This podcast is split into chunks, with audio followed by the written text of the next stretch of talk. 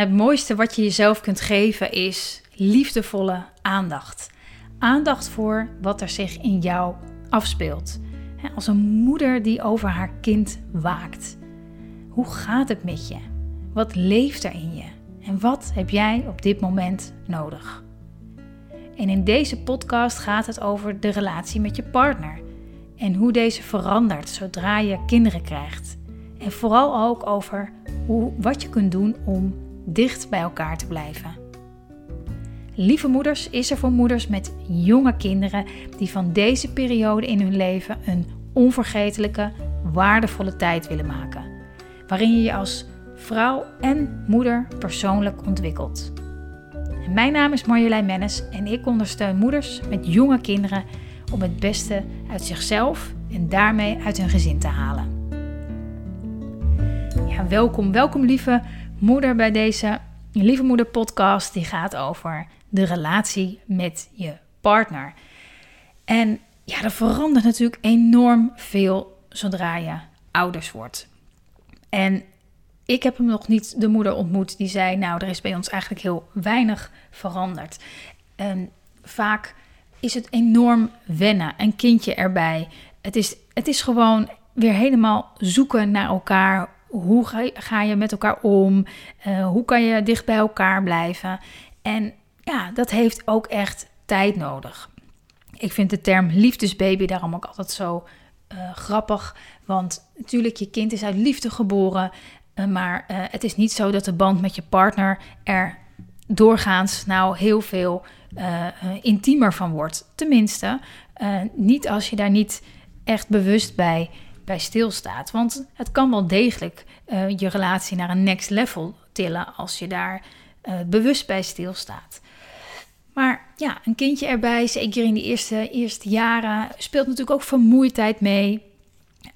Hè, de moeder is in het begin nog echt, uh, ook lichamelijk, nog, nou ja, tijdens de zwangerschap, maar ook daarna zo verbonden uh, ben je met, met je kindje. Als je borstvoeding geeft, heb je ook nog eens een kindje aan de borst. Weet je, je hebt, je hebt je handen vol, letterlijk aan je kind en aan jezelf.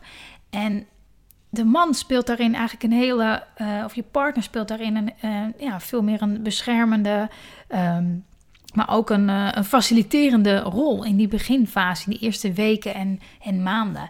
En als dat allemaal wat, um, uh, wat gewend is en gestabiliseerd is, en je gaat, bent alle twee weer aan het werk bijvoorbeeld, dan, ja, dan ook dat is weer een nieuwe fase in je relatie, waarin je kijkt van oké, nou, um, ja, wanneer, wanneer, wanneer spreken we elkaar, wanneer zien we elkaar, wanneer uh, hebben we even tijd voor elkaar? Of terwijl, hoe kunnen we toch dicht bij elkaar blijven Ondanks dat we ook de zorg voor ons kind hebben, voor ons werk, voor onze omgeving. En wat daarin heel belangrijk is, is om elkaar niet uit het oog te verliezen en echt contact te houden. Elkaar echt wezenlijk zien. Um, ook als je het niet met elkaar eens bent, bijvoorbeeld. Um, in de opvoeding kunnen er natuurlijk, in het grootbrengen van kinderen, kunnen er heel veel uh, conflicten ontstaan of andere meningen van een, hoe je het aan wil pakken. En het is dan op die momenten heel belangrijk als je er echt, als het echt een big issue voor je wordt, omdat je partner heel iets anders wil dan jij bijvoorbeeld, of net iets anders, en je denkt, ja, dit, dit vind ik echt niet fijn, dat het heel belangrijk is om er, om op een moment dat jij je gewoon oké voelt, hè, niet behoefte hebt aan erkenning of gezien worden, maar gewoon je zit lekker in je vel. Om op die momenten aan je partner te vragen: hey, hoe, hoe sta je daarin? Kan je me daar iets meer over vertellen over die en die aanpak of hoe je dat of dat, waarom je dat precies uh, zo doet? Oprecht en nieuwsgierig naar je partner te luisteren. Want vaak is dat nodig. Vaak is het nodig als je het niet met elkaar eens bent dat je alleen al elkaars ja, standpunten aanhoort.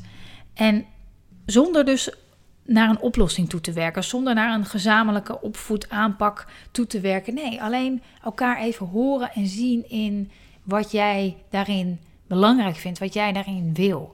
En nee, je hebt je partner niet, niet onder controle.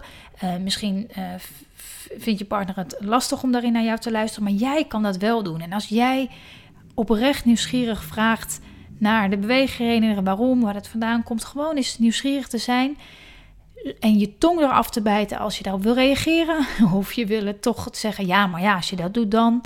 Nee, je tong eraf te bijten en niet echt. En echt gewoon goed en oprecht te luisteren. Want dan voelt jouw partner zich gezien. Dan voelt je partner zich gehoord.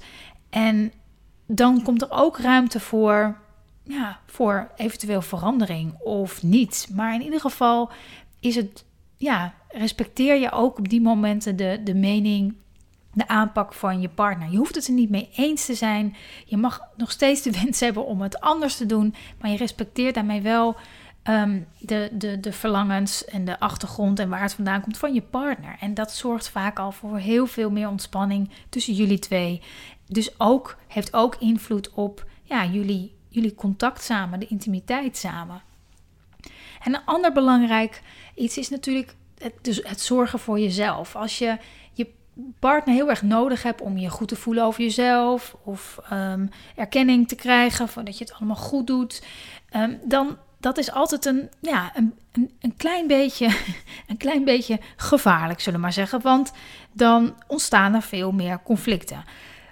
Maar als je echt werk maakt van er voor jezelf zijn, jezelf zien, jezelf erkenning geven. En dat kan op heel veel verschillende manieren.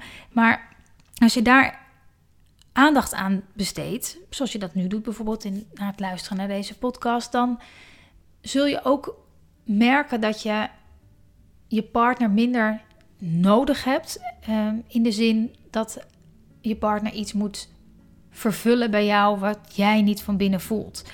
En wat daarin fijn is, is als je dat zelf kan, is dat je je partner veel meer kan zien voor wie hij of zij is. Dat je een veel gezondere, gelijkwaardigere, volwassenere relatie krijgt met je partner. Dus en het sluipt er heel snel in, hè, op kleine dingetjes. Uh, je wordt heel snel getriggerd in een, in een bepaald gevoel met je partner. Ook met je kind, maar zeker ook met je partner.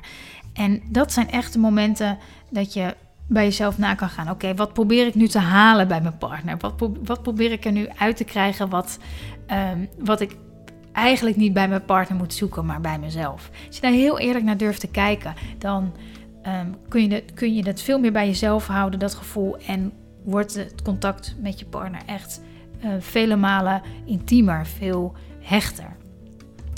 En ja, dat is gewoon ontzettend fijn. Dat is ontzettend fijn in die, in die eerste jaren waarin je elkaar zo ontzettend hard nodig hebt. Hè? Want het is, echt, het is echt niet mis om kinderen groot te brengen. En ja, daarin heb je elkaar echt hard nodig. Of je nou um, uh, jonge kinderen hebt of oudere kinderen, dat is gewoon ontzettend belangrijk. Dus ah, investeer erin. En investeer dan met name in je eigen gevoel. Um, jezelf goed voelen en voeden. En dan zul je merken dat ook de, het contact met je partner echt veel fijner wordt. En je er dus ook veel meer echt, echt wezenlijk kan zijn voor jezelf, voor je partner en ook voor je kinderen.